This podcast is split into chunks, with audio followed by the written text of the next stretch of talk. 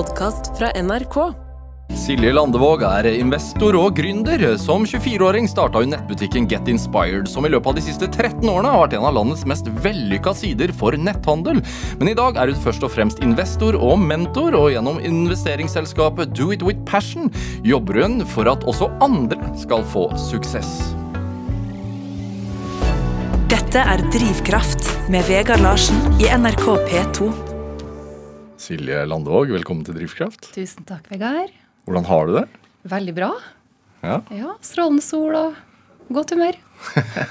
Det, um, jeg nevnte jo ehm, nettbutikken din eh, Get Inspired her uh, i introen. Uh, den har du jo solgt deg ut av. Ikke helt. Ikke helt, men ganske delvis, da. For ca. tre år siden. Stemmer. Og da kunne jeg lese i Finansavisen og Dagens Næringsliv og sånn at Silje Landevåg eh, dro inn 120 millioner kroner eh, av salg av nettbutikken sin til Vitsøy-familien. Ja, de, Det var det som sto, i hvert fall. De skriver jo på en måte en del når de ikke helt vet konkret hva, hva summen var, men eh, et godt beløp, det var det. Og Witzøe er jo indirekte eier av Salvesen og Tams, sammen med, med flere fra Midt-Norge. Hvorfor er det farlig å snakke om sum? Ah, Jeg vet ikke om det bare er sånn norsk greie, men eh, Nei, men det er egentlig litt mer respekt for flere parter enn bare meg, da, at man ikke går ut med sånn type informasjon. Nei. Men som du sier, en god sum penger. Hvor, hvor ofte sjekka du kontoen etterpå? Eh, det var ganske sprøtt, for én ting er jo når du først signerer, ikke sant, at du bare ser ok, det her skjer. Eh, det kommer til å gjøre min livs beste deal i dag. Jeg husker jeg var jo på hytta. Jeg satt i joggisen og ja, hadde liksom en champagne på luringa der. Og når du bare trykker inn etter bank-ID og alt og trykker sign, for det var elektronisk da, og så bare det rushet da. Eh, ja, Og så er det jo når du faktisk ser det beløpet på kontoen. Men det kan egentlig sammenlignes som første gangen jeg solgte eh, leiligheten min. Når, når du bare plutselig hadde det beløpet på dri- driftskontoen òg. Som eh, Ja, nei, det Ja, men det, når man selger leilighet, så blir man jo så får man et stort beløp inn, så, men så veit man jo at man har kjøpt en ny eventuelt, eller skal Ja. kjøpe en ny, så man veit at det er kortvarig. Men det er Mm. og, jeg, og jeg tenker sånn En favorittsyssel for oss nordmenn er jo å sitte og drømme og, fantasere om hvis jeg vinner i Lotto, hva skal jeg bruke de pengene på? Mm. Har, har du hatt det sånn før? Jeg har uh, vært eh, veldig sånn uh, Jeg har tenkt veldig mye på hva jeg ønsker å bruke pengene på. Hva er liksom som er drømmen min. Og så har jeg på en måte eh, satt inn eh, Jeg vil jo si at jeg er en fornuftig dame, da. Så selv om jeg går inn som investor nå og er ganske fersk der, så har jeg satt av et beløp som jeg har råd til å tape. Eh, så har jeg også satt av måte et beløp som er akseptabelt å være litt crazy med. Eh, og en god del til fremtidig sparing og ja, det man ikke vet uh, dukker opp. Ja, fordi du, du hadde jo jobbet veldig hardt for, for dette, disse pengene her. Ja, det kan du si. Eh, Men, men hvilke tanker gjør man seg når man sitter med da en sånn ganske grei buffer, da, for å si det forsiktig? Hva, hva, hva, tenker man? Altså, du, eh, setter man noe i fond? Tenker man sånn nå, jeg, nå kan jeg altså du, nå kan jeg lene meg tilbake og ha det komfortabelt en stund? Eller hva, hva går gjennom hodet? Komfortabelt. Jeg skulle gjerne ha sagt det, men det, det ligger jo ikke i min natur. Men sånn som jeg tenkte, var jo at jeg nesten så på det som et sånn kakediagram. At jeg eh, satte av en god andel til aksjer og fond. Og så sette av en del til eh, investeringer. Og da har jeg også litt sånn ja, en type profil som ikke er de mest aggressive på investeringene, men det er jo lange penger som du gjerne må ha ti års horisont på. Så jeg visste jo at når jeg starter som investor nå, så kan det gå ti år før jeg faktisk casher ut noen ting, eller før det blir noe av noen ting. Og, mm, ja, og så kjøpte jeg meg jo en helt vill leilighet i Marbella, da. Og det var jo ganske crazy. Altså, Den er jo mye fetere enn boligen min hjemme. Så du unna deg noe? Ja, jeg gjorde det. Og pappa var sånn «Er du sikker på at du skal liksom gå for den? Jeg bare, jeg er så sikker. For det var liksom drømmen min, da. Og Hva er en, hva er en vill leilighet? det er en penthouse eh, Frontline Beach fire kilometer fra Marbella sentrum, så Ja. den er ganske fin. Mm, åh, ja. Hvorfor, hvorfor var det en drøm? Eh, Spania og spansk har jo alltid vært en sånn passion for min del. Um, var jo på språkskole i Cádiz, som ligger rett nedenfor der i, ja, da jeg var 19. Og siden det så har jeg egentlig studert veldig mye spansk. Mm. Først hadde jeg liksom eh, ja, også spansk da jeg gikk på BI i Bergen. Og så hadde jeg, gikk jeg jo bacheloren internasjonal markedsføring i Barcelona, og da var det studiet på spansk, faktisk. Så bodde jeg med ei jente fra Valencia det året. Eh, og når jeg kom hjem, så var det jo et tøft jobbmarked, så jeg var, jo- har jo faktisk vært spansklærer også. Det er en liten fun fact. I et helt år på to videregående skoler i Trondheim.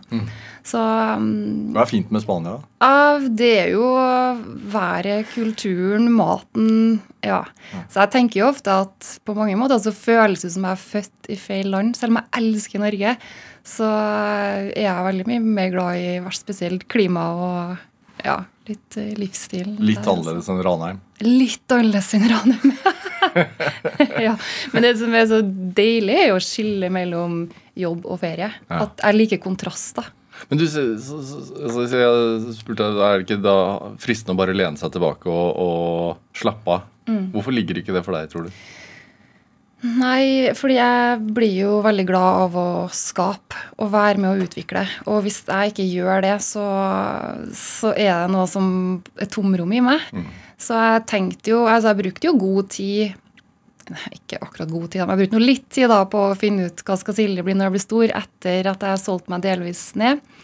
Eh, men, og det var jo tilbake på hjemmekontor og virkelig start på scratch. altså. Det, det var det. Å begynne å finne ut hvordan er man investor, og hva skal mine kriterier være, og hva skal jeg investere i, og hvilken verdi skal jeg gi. Hvor begynner man da? Du, eh, for min del så begynner jeg faktisk eh, Når jeg jobber med Prosjekt Silje, så liksom prøver jeg å tenke at det er et eksternt prosjekt, da. så da, Og jeg sitter gjerne hjem. Jeg må liksom begynne litt for meg sjøl, da. Og så har jeg store A3-ark. Og så er det sånn klassisk sånn eh, Hva heter det? Tankekart. Hvilke muligheter har jeg, liksom? Hva skrev du opp da? Eh, nei, det var jo Jeg kunne jo være ja, foredragsholder da, i en periode, liksom, tenkte jeg da. For at jeg syns jo det er artig å fære ut og treffe folk og fortelle historien. Og, eh, og så var det jo mm, eh, å kanskje starte noe sånn online business, for det begynte jo å bli litt sånn i vinden. Og så tenkte jeg kanskje en ny gründersatsing, men så hadde jeg egentlig ikke noe idé. Og så var jeg litt sånn Jeg kjente at jeg trengte å slappe av før jeg liksom ja, virkelig gikk ut på en ny reise. Eh, og så tenkte jeg kanskje skal jeg gå inn som konsulent i andre selskap. Så mm, stort og smått, egentlig. Og så hadde jeg jo en 40% stilling i Get Inspired i eh, ja, et drøyt år og etterpå. da.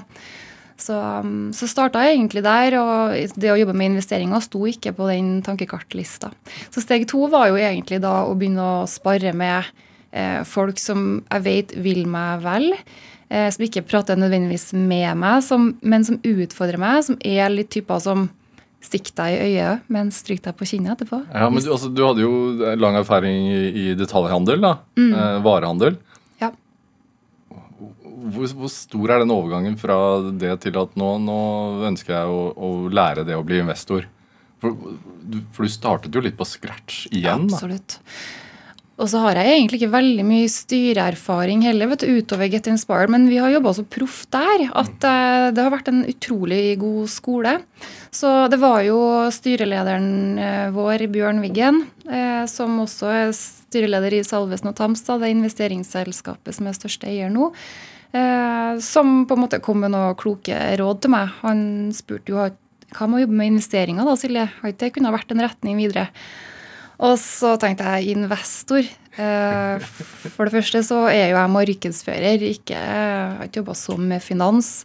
Eh, Det høres ganske kjedelig ut, eller? Det var første tanken.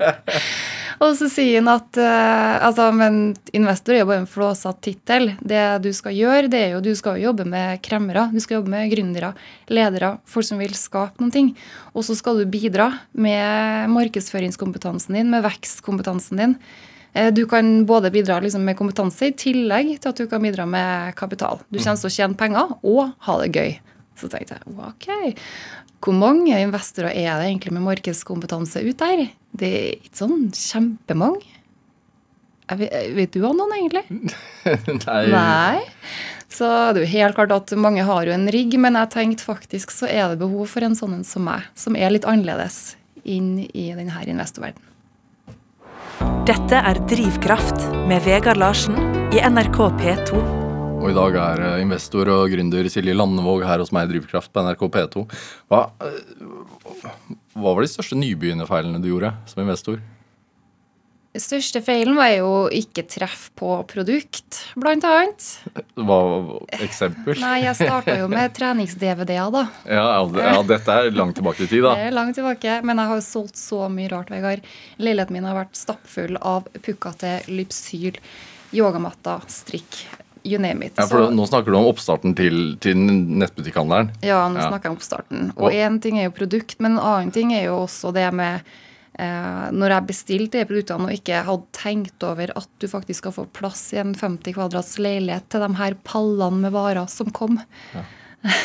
da må du ta meg litt tilbake i tid, fordi altså, Get Inspired eh, er jo en nettbutikk som har etablert seg sterkt i, i Norge. eh, og blitt kåret til årets nettbutikk flere ganger, blant annet. Men, men hvor starta ideen for deg? Altså, hvor starta alt sammen? Det starta egentlig med mm, en eh, veldig Tur til Shanghai, har jeg ja, hørt. engasjert og flittig student som gikk gründerskolen. Ja, hva er det for noe? Gründerskolen, det er Med hvilken som helst bachelor så kan du gå gründerskolen. Det er da et halvtårsprogram gjennom Universitetet i Oslo.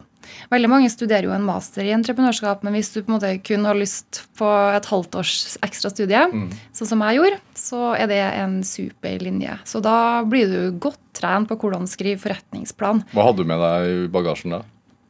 Jeg hadde jo bachelor i internasjonal markedsføring fra før. Mm. Så målet mitt var jo egentlig å bli drivende dyktig på å lage forretningsplaner. For at jeg tenkte ja, ja, uavhengig av om jeg skal starte for meg sjøl eller ikke, så er det svært nyttig å på en måte kun være strategisk eh, og jobbe med planer for hvordan man kan iverksette nye handlinger, uansett om det er på markedsføring eller innkjøp eller eh, ja, hva som helst. Mm. Hvem går på en sånn gründerskole? Eh, Det var en stor blanding. Det er naturlig veldig mange som, som er på denne entreprenørskapslinja. Men det var økonomer, det var folk med IT-bakgrunn, veldig mange med tech. For det er litt det med mm, Ja, folk har liksom gjerne en idé eller lyst til å få til ting, og så er det vanskelig å vite hvor pokker starter. Hvor går jeg frem? Så det var veldig nyttig for meg å faktisk eh, ha trent meg i et lite halvår på både å jobbe mm, Altså hvordan utvikle en idé, men også ta den fra idé til gjennomføring. Altså hvordan en konkret plan kan se ut. da.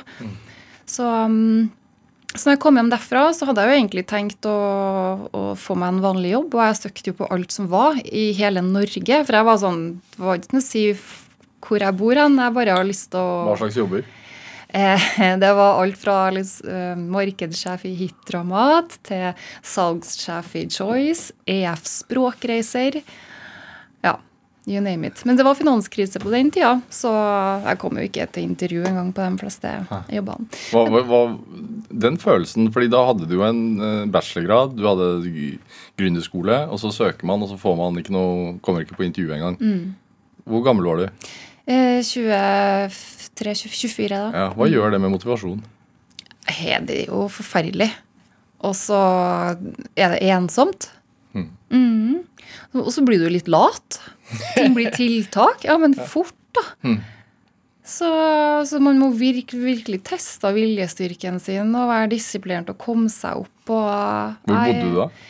Um, jeg har vært arbeidsledig i to runder, skal jeg si, rett før eh, gründerskolen og etterpå. Først bodde jeg jo i Trondheim. eh, Og da kom jo denne spansklærerstillingen opp og redda meg litt skal jeg si, i den perioden først. Mens eh, andre periode, da eh, hadde jeg jo nettopp kommet hjem, så flytta jeg til Oslo. Så da begynte jeg egentlig på forretningsplan til Get Inspired parallelt med at jeg søkte jobb. For at jeg skulle egentlig bare trene meg på en idé. Jeg hadde egentlig ikke tenkt å gjennomføre den. Sånn Pilates-DVD, det er jo ikke den beste ideen. Pilates-DVD? Ja, det var jo det det starta med. Ja, hvor kom den ideen fra? Nei, når vi bodde i Shanghai, så um, Hvorfor var du i Shanghai? Det var gjennom Grünerskolen. Ja. Ja, da var vi utplassert tre måneder. Da var det ganske dårlig med treningsfasiliteter. Eh, Det var liksom ikke bare å ta på seg løpeskoene og jogge ut heller. Det var veldig mye trafikk i det området vi bodde i, og lite treningssenter. Så da trente vi til sånn DVD, sånn Pilates-DVD på rommet, rett og slett. Vi eh, sammen med noen i klassen. da.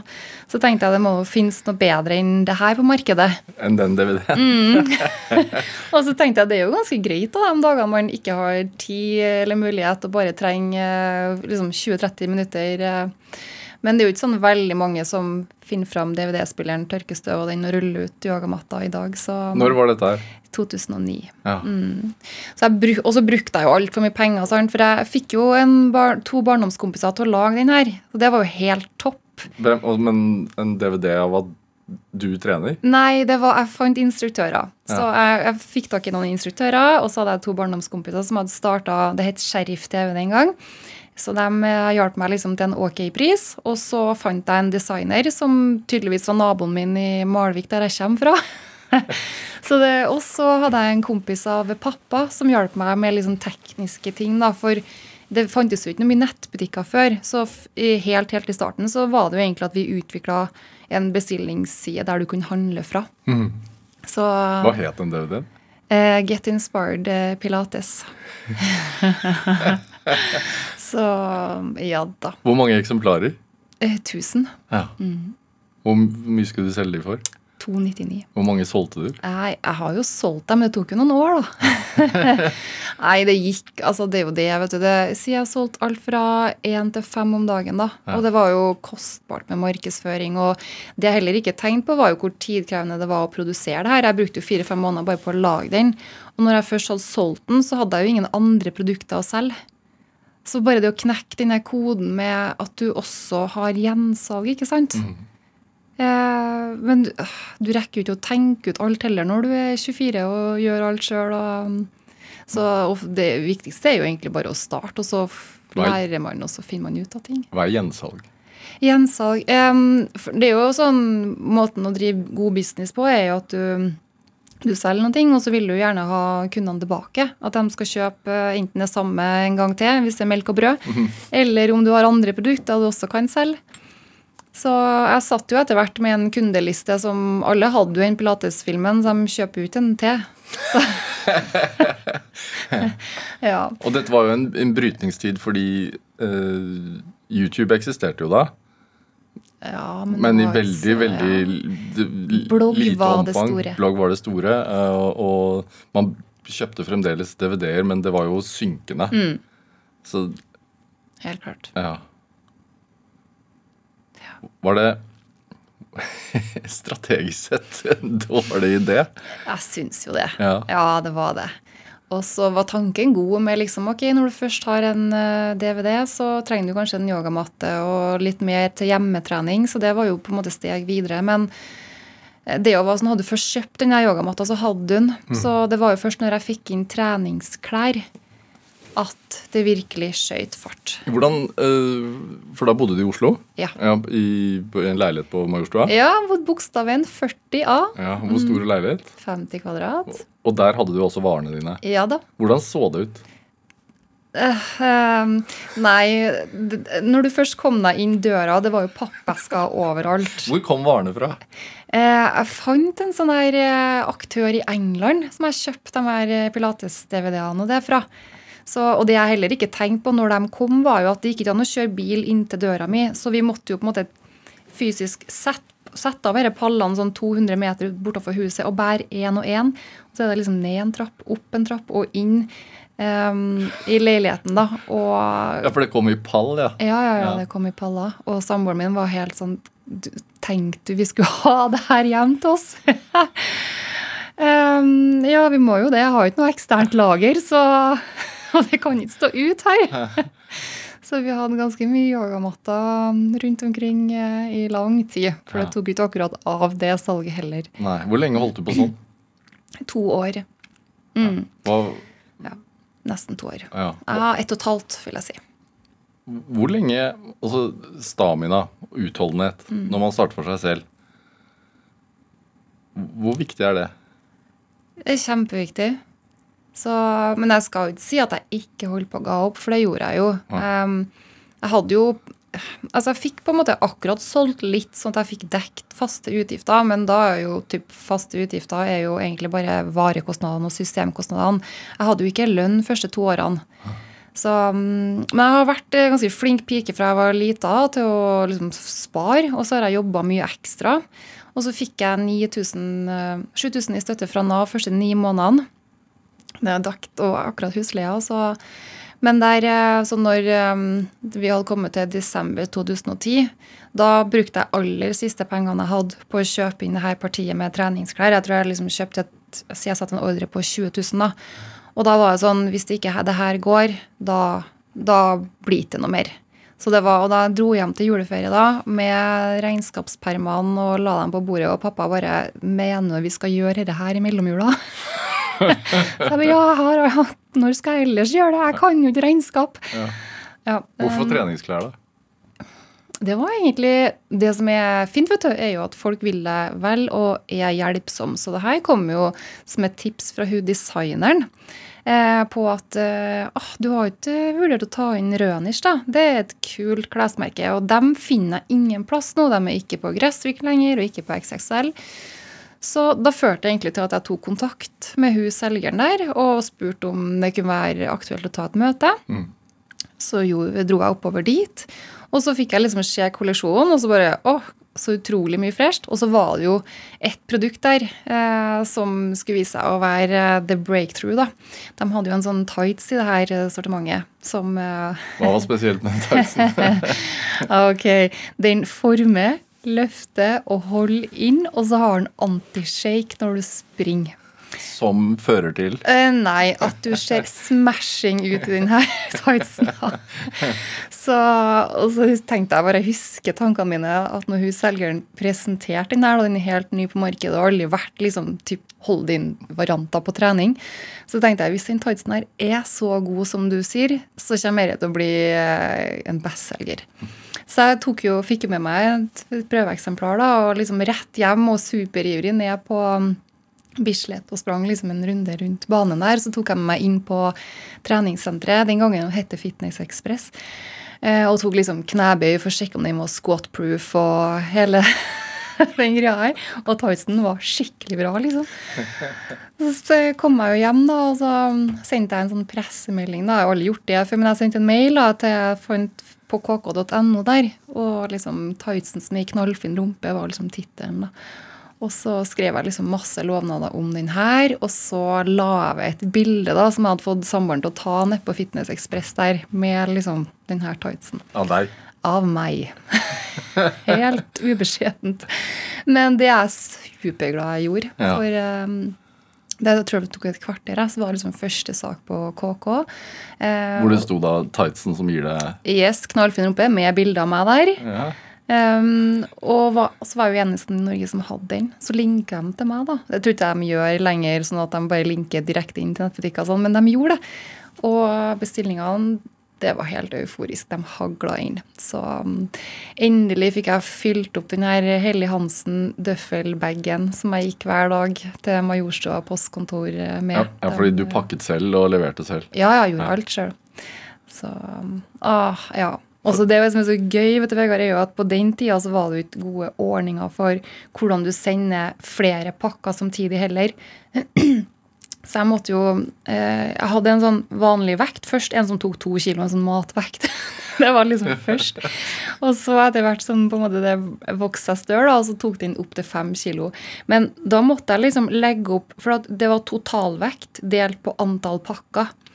Så jeg måtte jo liksom eh, legge dette på vekta, plusse opp, telle opp pakkene, og så regne ut snittet sjøl, og så legge inn på Bring, da. Og så få printa ut en sånn her følgeselger som jeg da tok med i eh, ja, vaset når jeg gikk bort til postkontoret. Ja, Hvor mye tid snakker vi, liksom? Ja, det er jo, det, det er jo tidkrevende. Det er det. Og så måtte jeg liksom stemple med, med Jeg sendte jo som B i starten, for det var én krone billigere eller noe sånt. Eh, B-post da istedenfor A-post. Um, så jeg brukte noen timer om dagen på det, ja. Mm. Hvor lenge holdt du på sånn? Eh, nesten to år. Ja. Ja, det ble to år. Jeg flytta jo tilbake til Trondheim eh, i august 2011. Ehm, så da, da hadde jeg jo blitt gravid eh, Som om det ikke var nok med gründerkaoset fra før av. Hm. Så da trengte jeg å komme hjem til familie og rigge meg litt annerledes. Ja. Få broren inn i systemet. Ja. Da kom Sindre inn. Det, den eh, massive økningen eh, Altså en eksplosjon, da, i, egentlig i, i vekst eh, fra DVD til rumpetights. Eh, det er ikke tenkt, jeg kan kalle det det. Ja, ja, det går fint. Det var jo det. Hva, hva gjør det med en strategi? Hva tenker man da? Eh, her har jo Sindre vært mer risikovillig enn meg. Altså broren din? Ja, Mm. på innkjøp, og det er jeg superglad for. For han var litt sånn der Vi har altfor lite tights. Vi kan selge hvor mye som helst hvis vi har varer. Um, så vi begynte jo først liksom med å doble innkjøpet, og så triple. Og så husker jeg vi liksom gikk fra, liksom, fra 1000 til 14 000 tights på forhåndsordre. Det, det er ganske mye mer og en ganske høy risiko. Ja. Men da hadde jo han kalkulert at det, det er mye bedre for oss at vi kan selge noen av disse her på salg, enn at vi hele tida skal være utsolgt. Det er så dyrt å være utsolgt. Vi, fordi En ting er at de kjøper den tightsen, men de plukker jo også med andre ting. Men når vi ikke har den, da kjøper ikke de i hele tatt. Så um, det var jo på en måte den som gjorde at vi gikk fra 8 til 23 mill. et år. Den her, eh, I omsetning? Ja, at vi turte å ta den her risikoen på innkjøp. Og så er det jo litt det med også å ha teft for trender for på en måte hva, hvilke andre produkter er som tightsen, da. sant? Um, så i 2014 så banka jo Kari Tråd på døra med rosulla i bagen. Altså hun tok kontakt? Nei, med, med en time Ja. i Karitråd. Og da var vi litt sånn Hæ, de var sånn, dere har ikke vurdert å selge ull? Nei, vi har liksom vært mest på trening. Ok, dere har målgruppa. Tro meg, dere kan selge mye ullundertøy. Eh, og det kosta jo 799 per del, sant? og folk skulle ikke bare ha ett sånn her roseullsett, de skulle ha mange. Så det jo ble jo en gullgruve. Og så hadde jo 24 en anorakk, som også alle skulle ha. Um, og hva var vi fant ut? Vi kunne ha fylt Lerkendal stadion altså i Trondheim, en og en halv gang bare med anorakkene vi har solgt ut fra Trondheim. Ja. Hvorfor var det sånn at uh, det på ganske kort tid hadde gått fra en leilighet i, i, i Bogstadveien med lager der, til at teamet til Kari Traa, som jo da var en etablert merkevare, tok kontakt? Uh, det var nok måten vi jobba med markedsføring på. For um, vi var jo tidlig ut, vi å bruke sosiale medier. og vi brukte influensere, men vi ble jo også en influenser sjøl. Og vi hadde jo stor påvirkningskraft, for vi, vi bygde jo oss tidlig mange følgere. Så i dag tror jeg vi har, vi har 180 000 følgere på Instagram og Facebook. Um, så, um, ja, så vi hadde jo på en måte en god påvirkningskraft og solgt mye gjennom de kanalene. Og da så jo også andre merkevarene at eh, hvis vi får eh, mulighet til å være på Instagrammen til, eller nyhetsbrevene til Get Inspired med den store reachen, da kommer vi til å selge masse varer. Og så eh, er de jo spot on for målgruppa. For på den tida så konsentrerte vi oss kun om damer. Vi var veldig sånn tydelige på profilen. Hvordan var netthandel eh, altså Dette er jo ikke lenge siden egentlig. Men hvordan var netthandelbransjen i, i Norge da? I, når jeg starta altså Nettbutikken ble jo egentlig til vil jeg si, liksom i januar. Først var det jo bare en sånn bestillingsside. Um, men eh, da, det var jo før egentlig XXL og alle de store Ja. var i gang. Hvilket Så- år? 2011, ja, 2009-2011. da liksom, Og så begynte folk å komme da, sånn 2011-12-13. Da kom flere og flere aktører på banen. Eh, og så ble det egentlig ganske raskt etablert, vil jeg si. Så ja, 2014-2015 så begynte liksom folk å handle på nett. Men her har du jo også sånn, noen er jo tidlig ut, og noen er jo seinere. Og veldig mange var jo skeptiske til netthandel. Så en annen fordel vi hadde, var jo at vi vi brukte oss sjøl. Så de, de handla jo fra hun jenta i Trondheim, det søskenpa, søskenparet. Og hun på bildet der, hun jobber visst på lageret. ikke sant? Så vi skapte også en veldig tillit da, ved å være synlig. Um, så kundene på en måte visste hvem de handla av. Hvor bevisst var det? da? Det var veldig bevisst. Helt klart. Hvorfor var det en god strategi? Nei, vi så jo at eh, Det er jo også at vi har vært veldig dyktige på analyse og sett på ting, men et bilde som vi tok sjøl, som var ikke typ veldig glossy. Solgt ti ganger bedre enn et perfekt imagebilde fra Karitråd, da, kan vi si. Så, mm, så det gjorde jo til at vi så jo at den der personlige trenden eh, traff veldig mye bedre. Og så var jo en del av strategien vår var jo også å vinne kundene våre sine hjerter. Så i, helt i starten så skrev jeg jo håndskrevne lapper til absolutt alle. Eh, når jeg ikke rakk I, I pakkene? Ja. Hva eh, sto det der, da? Nei, det var litt sånn 'tusen takk for bestillinga', sett så stor pris på at du handler her, og klem og ja. Så vi, var, vi har jo også noe som heter venninnespråket. Som det skal være koselig å handle hos oss. Eh, og det er det heldigvis enda, da. Så det er jo noen sånne ting når man blir stor, og hvordan kan man oppføre seg som liten. Og så hadde vi jo takkekort, og noen av dem var liksom utskåret som rose eller hjerte. Og vi hadde sjokolade i pakkene, og vi hadde kjærlighet. Og så husker jeg en periode hadde vi sånne klistrelapper som, hvor det sto liksom eh, Kjære postbud, den mest sporty jenta i gata står og tripper etter pakken sin. Hurry up, liksom. Så vi var litt sånn kule og hele tida tenkte på hvordan kunne vi få fram smilet. og ja. At de følte de ble litt kjent med oss. da. Sendt julekort og ja. hvor kom den ideen fra? Vet ikke, men det, jeg er jo markedsfører i bunnen, da. Mm. Så det er jo en fordel, vil jeg si, med bakgrunnen min sånn sett. At, eh, og så liker jeg det. Altså, jeg syns det, det er artig å ja, jobbe på den måten også. Ikke bare tall og liksom Jeg tenker at det må, du må ha myke verdier sammen med de harde verdiene. Og det har vist seg å vært en god kombinasjon. Hva var det som var målet underveis? Var det vekst, eller Ja. ja. Når var det du følte at uh, Nå har jeg nådd et mål? Eh, Når jeg kunne ta ut lønn. Ja, når jeg kunne ta ut lønn, og Sindre kunne ta ut lønn, og vi hadde råd Altså, det var skikkelig milepæl å komme dit, ja. Ja. Mm. Så vi, jeg hadde jo først på en måte råd til Jeg tror jeg, tror jeg og Sindre hadde 300 000 i lønn i to-tre første årene vi hadde eh, muligheter. Um, men eh, det syns jeg var fint, da. Silje Landevåg, vi skal spille litt musikk. Du har med en eh, Alicia Keys-låt, 'Girl On Fire'. Hvorfor det? Nei, jeg, hvis, jeg skal, hvis jeg gruer meg til noen ting og skal gire meg opp, så bruker jeg å høre på den her høyt i bilen, synge for full hals. Så er det litt sånn, vi må være vår egen bestevenn, prate, prate oss opp. Så den her eh, Når, når kan du grue deg til noe? jeg, jeg er ganske ofte utenfor komfortsonen. Jeg var spent i dag også, jeg. Jeg er der hele tida. Så i dag har jeg hørt den tidligere i dag. She's just a girl and she's on fire. Hotter than a fantasy, lonely like a highway. She's living in a world and it's on fire. Filled with catastrophe, but she knows she can fly away.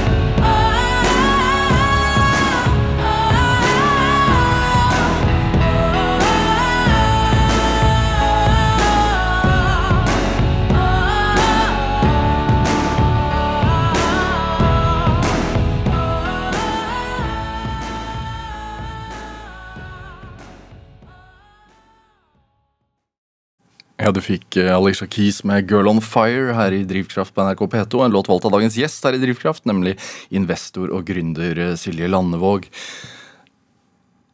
Altså Du sa når du er utenfor komfortsonen, så, så kan du sette på den låten.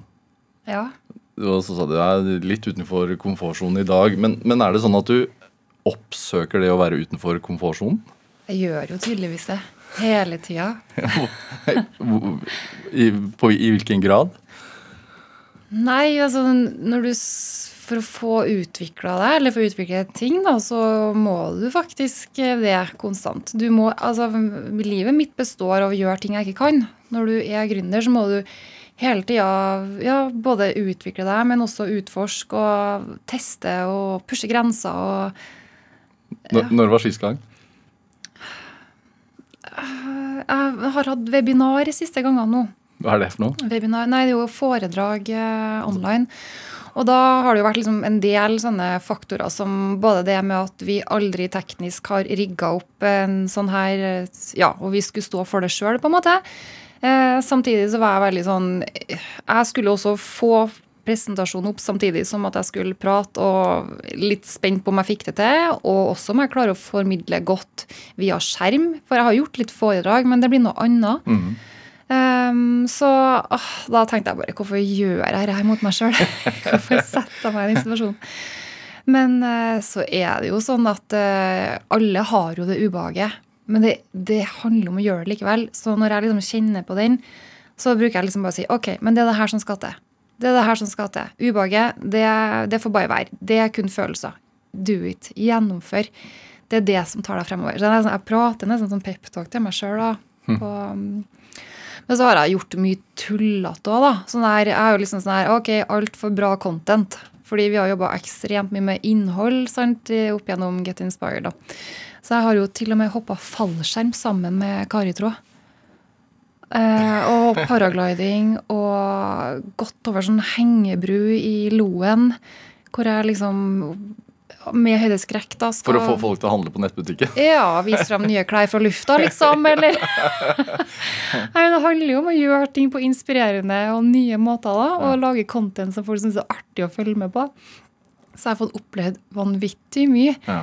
Og så får du rush etterpå, da. Så åh, ja. Men den, eh, den Det tankesettet, hvor kommer det fra, tror du? Er det hjemmefra? Barndomsmessig, liksom? Det kan være, for um, jeg har liksom reflektert mer over det i voksen alder nå, men mamma har ikke vært noe kjære mor. Hun har virkelig dytta oss ut i ting. Hun er litt sånn, Har du meldt deg på noe, så fullfører du. Og hun har alltid vært sånn Det her klarer du å komme igjen nå. sant? Og det er litt sånn hvis at jeg har gått opp på femmeteren eller sjumeteren eller timeteren, du snur ikke, da hopper du. liksom. så um, Ja, for det har faktisk skjedd. Nei, men hun er litt sånn Nå har du nå først kommet deg opp, da er det bare å hoppe. ok. Så hun har pusha positivt, vil jeg si. da. Hun er ganske tydelig i sin røst. Og, Ja. ja. Hva gjorde foreldrene dine da, du vokste opp? Eh, mamma har gjort begge deler. Hun har vært eh, litt sånn klassisk mor på 80-tallet, hvor hun var en del år hjemmeværende. Mhm. Og så tror jeg hun var hjelpesykepleier en periode, og så ble hun òg gründer. Og hun, har jo, hun er litt alternativ av mamma, da. så hun kan jo ha spennende samtaler med, men hun starta noe som heter Trondheim Lasermedisin. Og det her er jo ja, 20 Oi. Når var det? 20, 2001-2002 eller noe? Hvor det var med veldig skeptisk til sånne her type alternative behandlinger. Eh, Men hun hadde kjemperesultat på nakke og skuldre og ischias og øresus og lange ventelister ikke sant, på, mm, hos folk. da, Og sto i kritikk fra leger og, som mente det her var humbug og hva ikke. Så, mm, så hun har inspirert egentlig med skikkelig sånn stå-på-vilje. Og hun for jo med denne klinikken sin. eh, Hun var jo på Røros og Steinkjer og sov på gulvet, liksom, der hun var. Så, mm, og lange arbeidsdager og gjorde alt sjøl. Alt fra å liksom ta imot bestillingene til å være behandleren til å vaske kontoret etterpå. Så jeg har jo på en måte sett hva som kreves da av å ta litt utradisjonelle valg. Også pappa har jo vært typisk sånn regnskapsfører først. Og så begynte han litt på si med eh, sammen med en kompis og noe sånn postordreopplegg. Eh, og så begynte liksom det å ta seg opp. Og så han brukt ganske mange år på å tørre han da å ta det steget fra liksom si opp jobben til å eh, drive for seg sjøl. Så man har jobba mye med kosttilskudd, blant annet. Ja, så relativt gode sånn, forutsetninger for å lykkes den veien, da. Ja, det vil jeg jo si. I hvert fall med sånn mentalitet, hva som skal til. Du må jobbe for ting. Jeg har aldri fått lov å vært hjemme fra skolen. Da, altså Hvis jeg har kasta opp eller hatt høy feber, det var eneste gyldig grunn. Aldri skulka en trening. ikke sant? Har du begynt på noe, så fullfører du. Så mm, Jeg har, en sånn, altså det, jeg har jo en del eh, gründere innom studio, og jeg syns jo da at det er en, en tendens til at eh, de ofte også har hatt gründerforeldre. Hvorfor er det sånn, tror du? Veit ikke. Men jeg tenker foreldre er jo forbilder. Så mm, Fordi sånn som Når du har sett på din mor, da, som du sier, som har eh, reist rundt og, og ligget på madrasser for å få dette her opp å stå, så tenker man jo at det er mye hardt, ar hardt arbeid. Ikke, ikke nødvendigvis eh, et et alltid komfortabelt liv. Men likevel så velger man å kjøre på sjøl. Ja, si det. Har ingen god forklaring. Jeg tenker jo mange ganger hvorfor setter jeg meg sjøl i denne situasjonen. Men så er jo plussene så mye sterkere enn eh, ja, det som er hardt og krevende. Hva er plussene, da? Den her enorme skapergleden som jeg innledningsvis sa. Men jeg bare føler jeg får brukt meg sjøl på så mange måter. Altså, jeg må på en måte Ja, intellektuelt, men også kreativ. Strategisk. Jeg får vært liksom Jeg får jobba både mye med mennesker, men også liksom i mitt eget uh, gründerbobleverden. Um, og så er det meningsfullt, syns jeg også, som i hvert fall i min jobb, hvor uh, eh, også kan være en, gjerne en veiviser for andre. da. Hvis på en måte min jobb kan føre til positive ringvirkninger, at andre òg tør å satse, og så kjenner jeg at det er skikkelig Ja. Mm. Hva har det kostet, da? Det har um, litt hva man må ofre, så er det jo um, fritid, vil jeg si. Ja, og så er jeg jo Folk bare sånn Er du aldri sliten? Det er sånn, jo, det er jeg. Innimellom så er jeg som en uh, vridd søppeldunk, liksom. Som, altså det man er innimellom skikkelig sliten. For jeg er jo litt der at jeg pusher meg ofte ganske hardt. Litt sånn at det nesten er for mye. Eh, men så er jeg også så god på å lade, da. Men, og da, det kan jeg gjøre på eh, Smart hurtiglading kan jeg f.eks. si at jeg har en helg på hytta. Eh, og da er jeg nesten ikke med folk og har egentlig ikke noen spesielle oppgaver som skal gjøres heller. Da er det liksom søvn, mat, drikke. Bare helt sånn. Og ikke bruk hodet, for hodet mitt må få lov å slappe av innimellom. Um, ja. Det koker godt oppi toppen der. Hvordan var du som, eh, som barn da, selv? Altså som eh, tenåring? Jeg vet jo at du var eh, tomballtalent. Ja, det stemmer. Var det, var det også en slags konkurranse? Jeg elska å spille håndball. Og det var, jeg digga både det med å utvikle meg personlig, men også det å spille i et lag. Jeg syns jeg var skikkelig artig. Konkurranseinstinkt det hadde jeg jo, helt klart. Så mm, ellers så var Er det en god egenskap når man starter for seg sjøl? Men jeg er ikke en dårlig taper, vil jeg si. ja. Altså, Jeg går ikke lenge og liksom irriterer meg over at jeg har tapt. Det, det går over tvert. Jeg er mer en irriterende vinner. Hvorfor det? Hvordan da? Nei, jeg blir jo veldig glad når jeg vinner, da. Sånn. uh. Men uh, tap, det børster jeg lett av meg, og så får vi heller ta en ny runde, da. Var du skoleflink? Eh, Sånn helt greit. Jeg var veldig god i noen fag. Jeg var god liksom i språk. um, Seks i gym. Um, Ja, fire-fem i sånn naturfag. Samfunnsfag likte jeg. KRL syns jeg faktisk var artig. Litt sånn historie. Og så var jeg ikke så god i uh, type naturfag, matte. Så, og jeg var også veldig sånn klassisk, så, som brukte mer tid på det jeg syntes var artig, enn det jeg ikke syntes var gøy. da. Så det sprika litt. eh. Men, men er du eh, vokst opp på Ranheim? Vokste opp i Malvik. Ja, Hva er forskjellen? Det er, Malvik er jo en kommune rett før Trondheim. Ja. Så jeg vokste opp på et sted som heter for Hundhammeren. Det er et ganske lite sted, egentlig. Så mm, ja, veldig, veldig fin plass å vokse opp på, men jeg ble litt rastløs der. Ja. Også et godt sted for å forstå at netthandel er veien å gå, kanskje? Det tror jeg er ganske tilfeldig, men ja.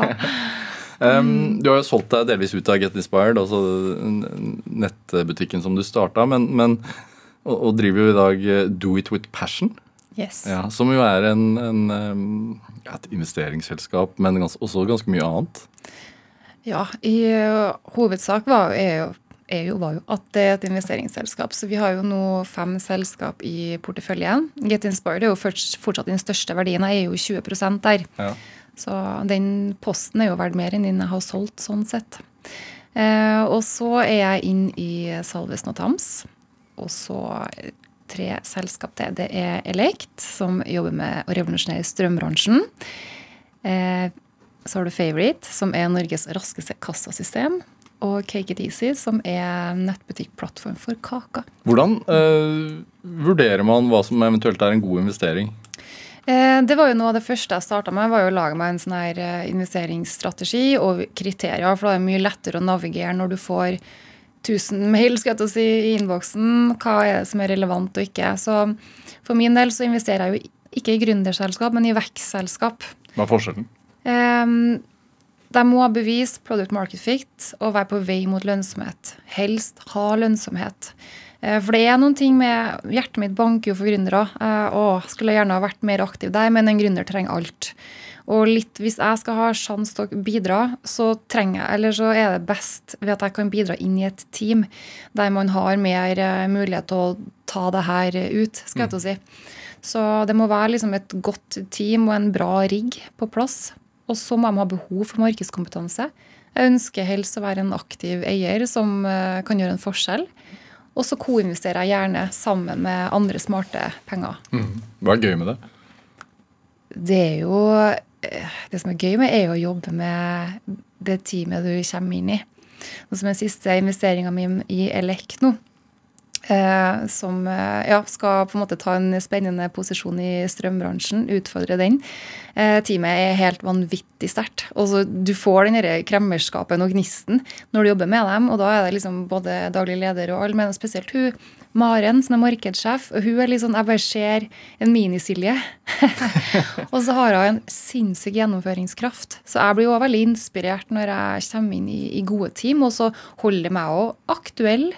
Eh, ved å på en måte, Nå er jeg jo inn i ulike bransjer, og det syns jeg òg er gøy. At ikke alt handler om å selge klær og sko, men sant, få forståelse for, eh, for andre sektorer i tillegg. da. Og så driver du også med mentoring. Ja, og det er jo noe helt nytt. Ja. Og Hva gjør man da? hva gjør man da? Nei, nå, Vi starter jo med det nå i januar, så vi har jo egentlig ikke helt kommet i gang. Men vi har jo oppretta Do It With Passion Academy. Og det er jo mentoring eh, for deg som har lyst til å våge, vinne og vokse. Med meg som mentor Ja. og et sterkt mentorteam. Eh, hva man oppnår med det? Vi har veldig fokus på det med work-life balance, egentlig. For det her er ikke en sånn typisk gründermentor der eh, du skal få vite hvordan du skriver forretningsplanen. Det handler egentlig mer om hvordan du som næringslivsutøver Idrettsutøvere altså vi, vi skjønner jo hva en idrettsutøver trenger. Men hva er det vi næringslivsutøvere trenger for å lykkes? Det har vi fokus, fokus på. Mm. Hva trenger man? Du trenger eh, å jobbe smart, ikke hardere. Da trenger du liksom, du trenger struktur, rutiner, eh, være rå på prioriteringer, need to nice to, tidsstyring. Du trenger å lære deg hvordan du lager agenda for møtene, hvordan du smart drifter team. Eh, og ikke minst hvordan du kombinerer det her med helse, fritid og familie. Mm. Hvilke feil eller smeller har du gått på i forhold til det du sier nå? Um, Hva skulle du ønske at en mentor sa til deg da du starta opp? jeg, jeg var Jeg kunne ha tenkt meg noen som har gitt meg mer selvtillit på at ting går bra. Du trenger ikke å, å kan alt nå. Uh, du finner ut av ting, og du lærer av det. Og, eh, så jeg, for meg har det liksom den derre at noen hjelper meg i kinkige situasjoner, har vært liksom viktig for meg. Men jeg har jo brukt mentor hele livet mitt. Eller hele, hele gründerkarrieren. Jeg var tidlig ute egentlig med det, og det har vært så verdifullt for meg. Derfor har jeg liksom tenkt at flere skulle ha gjort det. For jeg har hatt veldig fokus på eh, Silje privat sammen med Silje jobb. Og bare gjort noen sånne småting med at jeg har faktisk eh, stukket fra jobb klokka eh, tre for å ta en intervalløkt før jeg henta i barnehagen, ikke sant, og så sånn og sånn, og så kunne jeg heller jobbe inn den timen på kvelden eller på helg eller eh, hva det skal være. Men eh, de der smarte grepene som du ikke bør skippe, da, fordi at det Du er nødt å tenke totalitet rundt deg. Hvis ikke så varer du på en måte kun kort, og ikke et langt karriereløp. Så det er egentlig mitt viktigste budskap. Eh, Det er både til liksom familiehelten. Du har jo barn på tre og fem, og jeg tipper det er hektisk på hjemmebane der òg. Og det å liksom smart eh, jobbe med hvordan man sjonglerer det. Men jeg er veldig glad da også at jeg har en 9-4-jobb. Ja. Og det å starte for seg selv, det skjønner jeg ikke er det. Nei, det er ikke en 9-4-jobb. Da må man velge et annet yrke. Ja. det Hva er en det da? livsstil. Nei, det er en livsstil. Jeg jobber altfor mange timer. Jeg tør ikke å si hvor mange timer. Men det er jo for at jeg velger det sjøl. Det, det er jo ikke at jeg må jobbe alle de timene. Jeg hadde jo kunnet jobbe færre, men jeg er jo litt sånn her eh, Jeg har nå kjøpt meg en bok, da. Siste boka jeg kjøpte meg nå, var han eh, godeste mm, Elon Musk. 700 sider. Veldig ambisiøst. Men Og så begynner jeg sånn, og så Tilfeldig at det var den, eller? ja.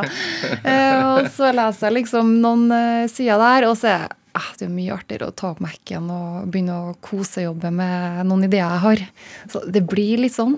Ja. Mm. Men det er hobby nå, ikke sant? Hva er utfordringen i Norge i dag? At vi ikke må, og at vi ikke vil mer.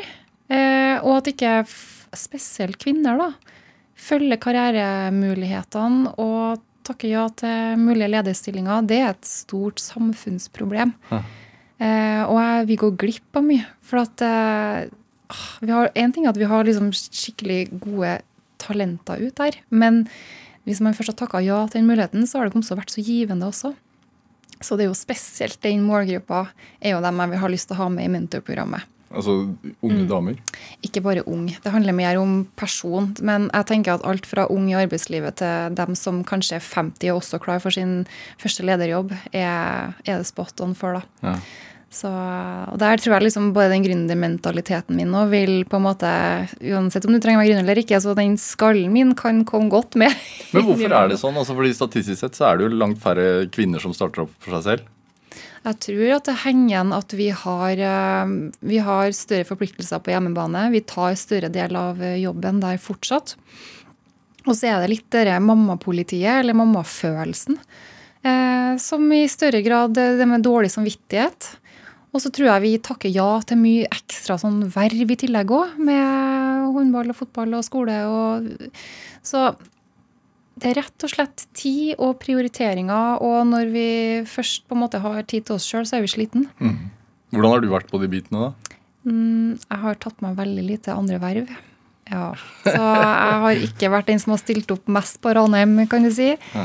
Men jeg har skapt mange arbeidsplasser, og jeg har bidratt på andre måter, tenker jeg, da. Ja. Så um, man får ikke til alt. Man er nødt til å prioritere. Og ja. Er det dårlig samvittighet involvert også? Ja, det er jo det. Helt klart. Garantert. Men det kan jo menn kjenne på også, tenker Ja, det er absolutt. Men, uh, Men når man, når man uh, virkelig satser og, og går all in, og som du sier, man veit ikke hvor mange timer man jobber, og så, så er jo det en del av kakediagrammet, Ja. sikkert. og jeg har jo vært litt sånn opptatt av at jeg ønsker ikke å skåne mine barn for at jeg jobber. Jeg vil at de skal se det. Så de ser jo ofte meg sitte på stuebordet med Mac-en. Ja. Og jeg kan sitte der sammen med dem når de slapper av òg. Men jeg har lyst til at de skal se at det krever faktisk arbeidsinnsats hvis man skal få til noen ting. Ja, men det må skje, det. Det er ikke sånn at jeg skal skåne dem for det. Hvor, hvor gamle var de? Eh, åtte og snart tolv. Ja, hva sier du når de står på sjumeteren og så har klatra til opp? De hopper jo, vet du. De gjør det. Ja, men det er jo mer ikke det. Nå er ikke jeg mest i pirbadet, da. Det er jeg ikke sånn superglad i basseng og sånn, men hun minste mi Barndomsdrømmer. ja. Hun minste mi og bare sånn 'Mamma, jeg stupte fra tremeteren i dag.' Jeg bare 'Å, herregud, gikk det bra?' Så hun er jo De er tøffe, mine, altså. Ja. Og det syns jeg er litt kult, da. At de er uredde og Ja. Hva er drivkraften din i dag da, Silje Landevåg? Og vi var litt inne på det, men jeg må jo trekke fram denne skapergleden. Jobb er så stor del av livet mitt at hvis jeg ikke har det bra og trives og får liksom ja, utvikling der, så visner jeg litt. Så den er viktig. Og så er det meningsfullt for meg å kunne inspirere flere til å våge å følge drømmene sine. Ja. Hva er ditt neste mål, da? Ja, flere. Men um, ja, nei, som investor så har jeg på en måte et veldig sånn langt eh, lang horisont, eh, evighetsperspektiv. Mens målet mitt nå er jo egentlig å bli en skikkelig god mentor i Dude Passion Academy. Silje Landvåg, tusen takk for at du kom til Drivkraft. Takk for meg. Hør eh, flere samtaler i Drivkraft eh, på nrk.no, eller i appen NRK Radio. Der kan du også trykke følg, så får du den siste Drivkraft-episoden rett inn i appen din eh, når den er ferdig. Send oss ris eller ros, og også tips til mennesker som du mener har drivkraft. Send en e-posten til drivkraft, krøllalfa, nrk.no. Vi hører veldig gjerne fra deg. Produsent i dag det var Kjartan Aarsand, mens Olav Tessem Widsvang bidro med research til denne sendingen. Men dette, dette var Drivkraft. Jeg heter Vega Larsen. Vi høres. En podkast fra NRK. Har du også sett TV-serien Makta og sitter jeg med noen spørsmål? Det har i hvert fall jeg. Jeg heter Torkil Risan og lager podkasten Seriesnakk. Her får jeg serieskaperne og skuespillerne i serien til å ta det med bak i kulissene, men også dem som faktisk var der da det skjedde, til å fortelle sine historier. Og lurer du på noen ting, så kan du stille spørsmål til de involverte i appen NRK Radio. Hør Seriesnakk i appen NRK Radio.